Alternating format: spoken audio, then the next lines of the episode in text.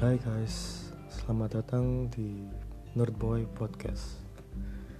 Di podcast kali ini saya akan mereview sebuah film dengan judul Piku. Piku rilis sekitar tahun 2015. Bergenre drama komedi, dibintangi oleh beberapa aktor terkenal Hollywood seperti Dipika Padukone sebagai Piku, Irfan Khan sebagai Rana atau pemilik taksi, dan Amitabh Bachchan sebagai Baskor Banerjee atau ayah Piku.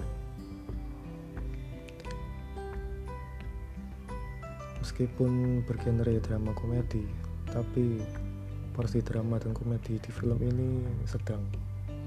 Jadi tidak terlalu drama atau tidak terlalu komedi. Komedi yang disajikan juga cenderung komedi yang receh nggak akan nggak nggak sampai bikin kalian yang menonton film ini terpingkal-pingkal ngakak seperti di film The Idiot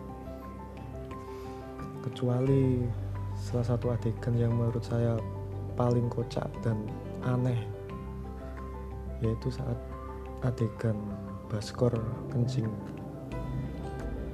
Di adegan ini dia tidak bisa kencing kalau pembantunya tidak bersiul di sampingnya alur cerita di film ini bagus pengenalan karakternya juga bagus. Bagi kalian yang tidak suka adegan menari dan bernyanyi khas Bollywood tenang saja di sini tidak ada sama sekali adegan seperti itu. Film ini menceritakan tentang kehidupan sehari-hari Wiku seorang gadis yang bekerja sebagai arsitek dan juga disibukkan dengan merawat ayahnya yang sudah tua dan memiliki gangguan pencernaan atau sembelit atau BAB. Piku tinggal satu rumah dengan ayah dan pembantunya. Baskor adalah seorang pensiunan yang punya penyakit sembelit.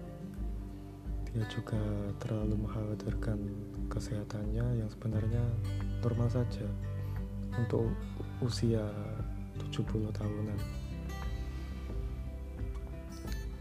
Rana adalah pemilik perusahaan taksi yang sudah jadi langganan Piku.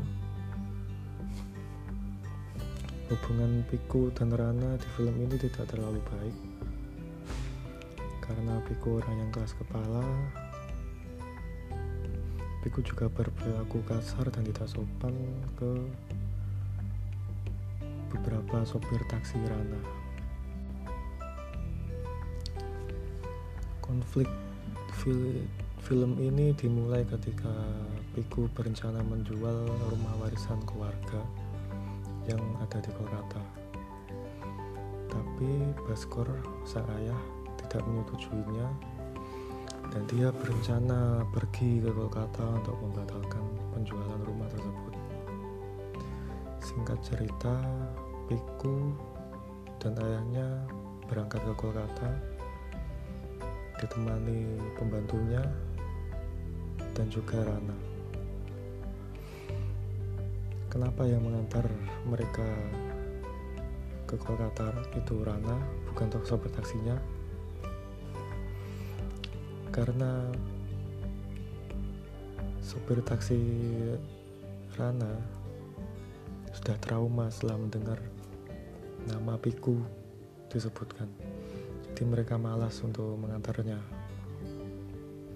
Nah, berangkatlah mereka dari Delhi ke Kolkata.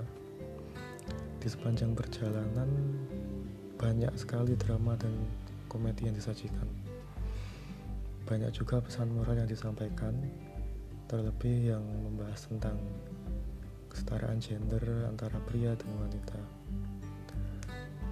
Hal ini ditekankan saat Baskor bersikeras tidak mau menikahkan anaknya tanpa alasan yang jelas.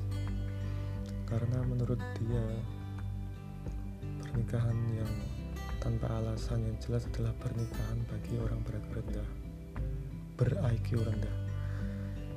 Dia tidak mau Piko menikah cuma untuk menghabiskan hidupnya untuk melayani suaminya.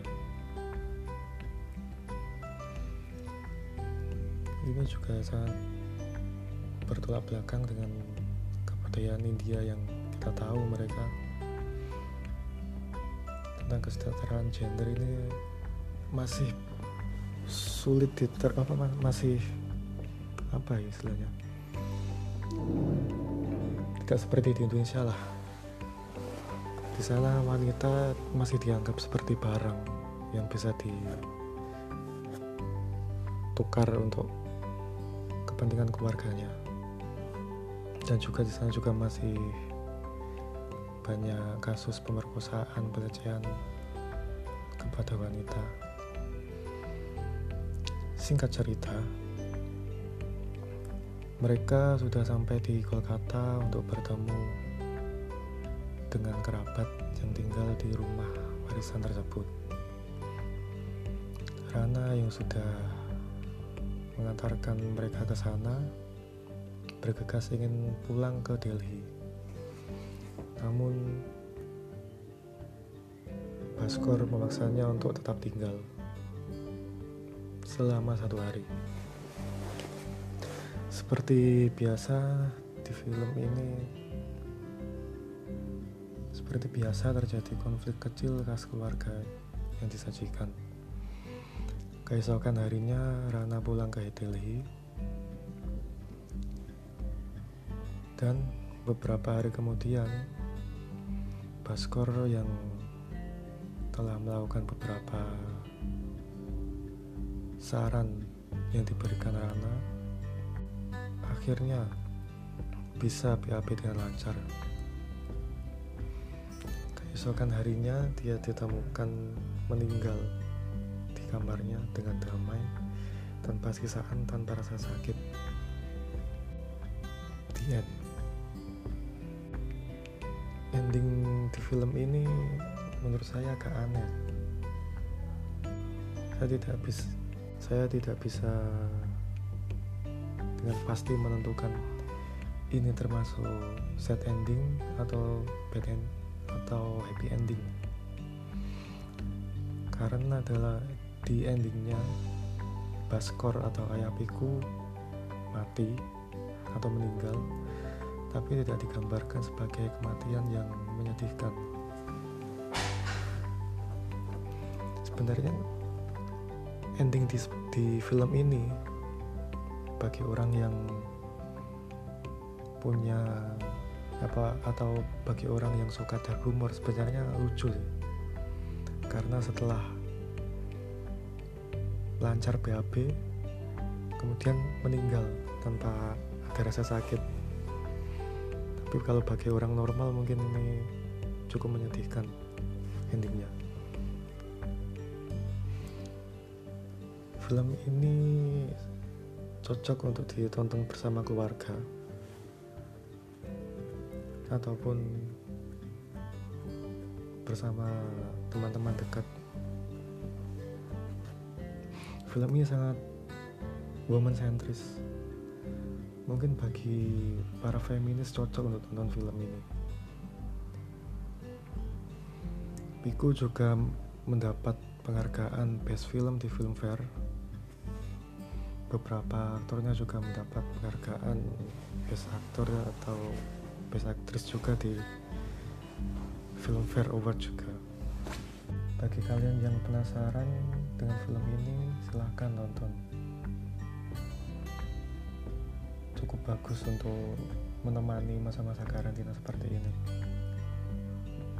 Nah sekian review film dari saya kali ini.